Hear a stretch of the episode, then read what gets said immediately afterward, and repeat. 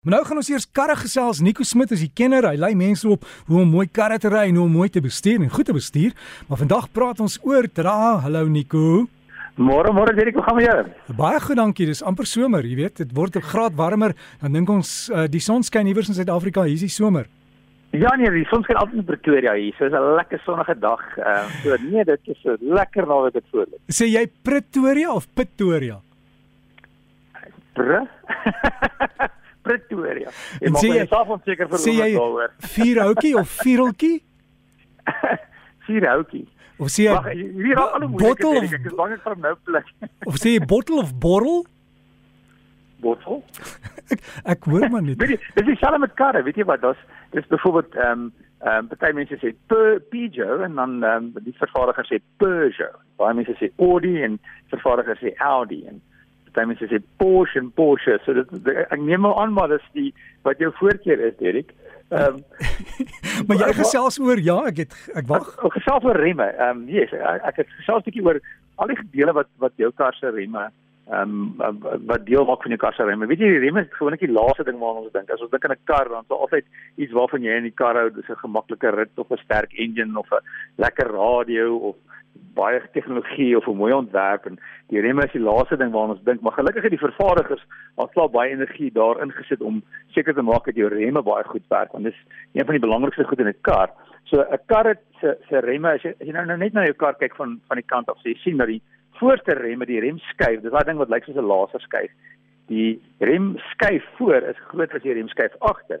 En dis maar 'n eenvoudige ding wanneer jy rem, dan skuif jy die die massa van die voertuig skuif vorentoe. So jy het nodig om groter remme voor te hê as agter omdat daar jy, jy die meeste van die massa is dan voor. As jy dan die voertuig rem ook, ehm um, het jy wat ons noem 'n Afrikaans praat van 'n pad against it, the pad presses against the disc. So die remskoen druk teen die remskyf. Nou, ehm um, in die ehm um, skoen self is daar is daar um, pistons veral ek in Engelse term hulle praat van 'n four pot caliper of 'n six pot caliper. Nou eintlik wat dit beteken is, jy het so 'n klein pistontjie wat nou hierdie rem skoen teen die rem skuif druk.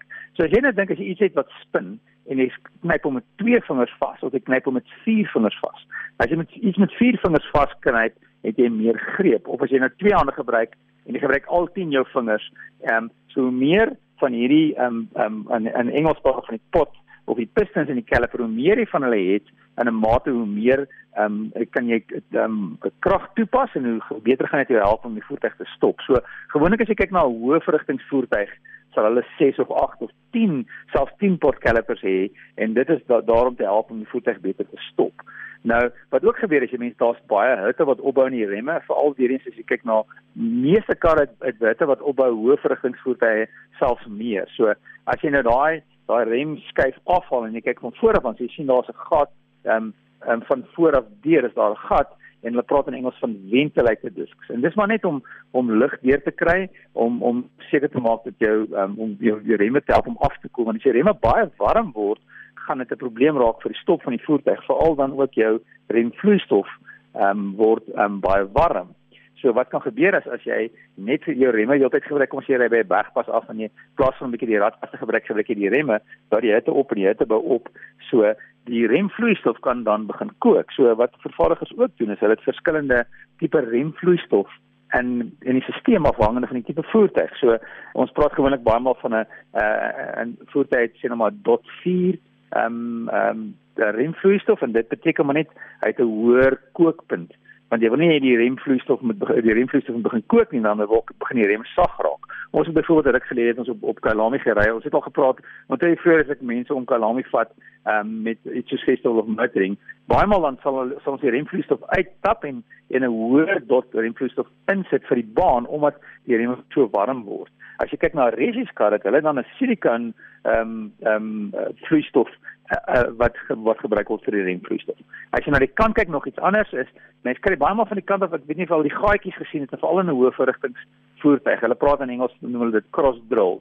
En wat gebeur daar is, ehm um, as gevolg van die baie hitte en die wrywing is daar gas wat opbou tussen hierdie remskyf en die remskoen en dit is geneig om daai remskoen weg te probeer druk. So die gaatjies is maar is in 'n mate vir ventilasie om om te help dat daai daai gas kan ontsnap uit die remme uit sodat jy nog steeds die maksimum druk kan deurdruk.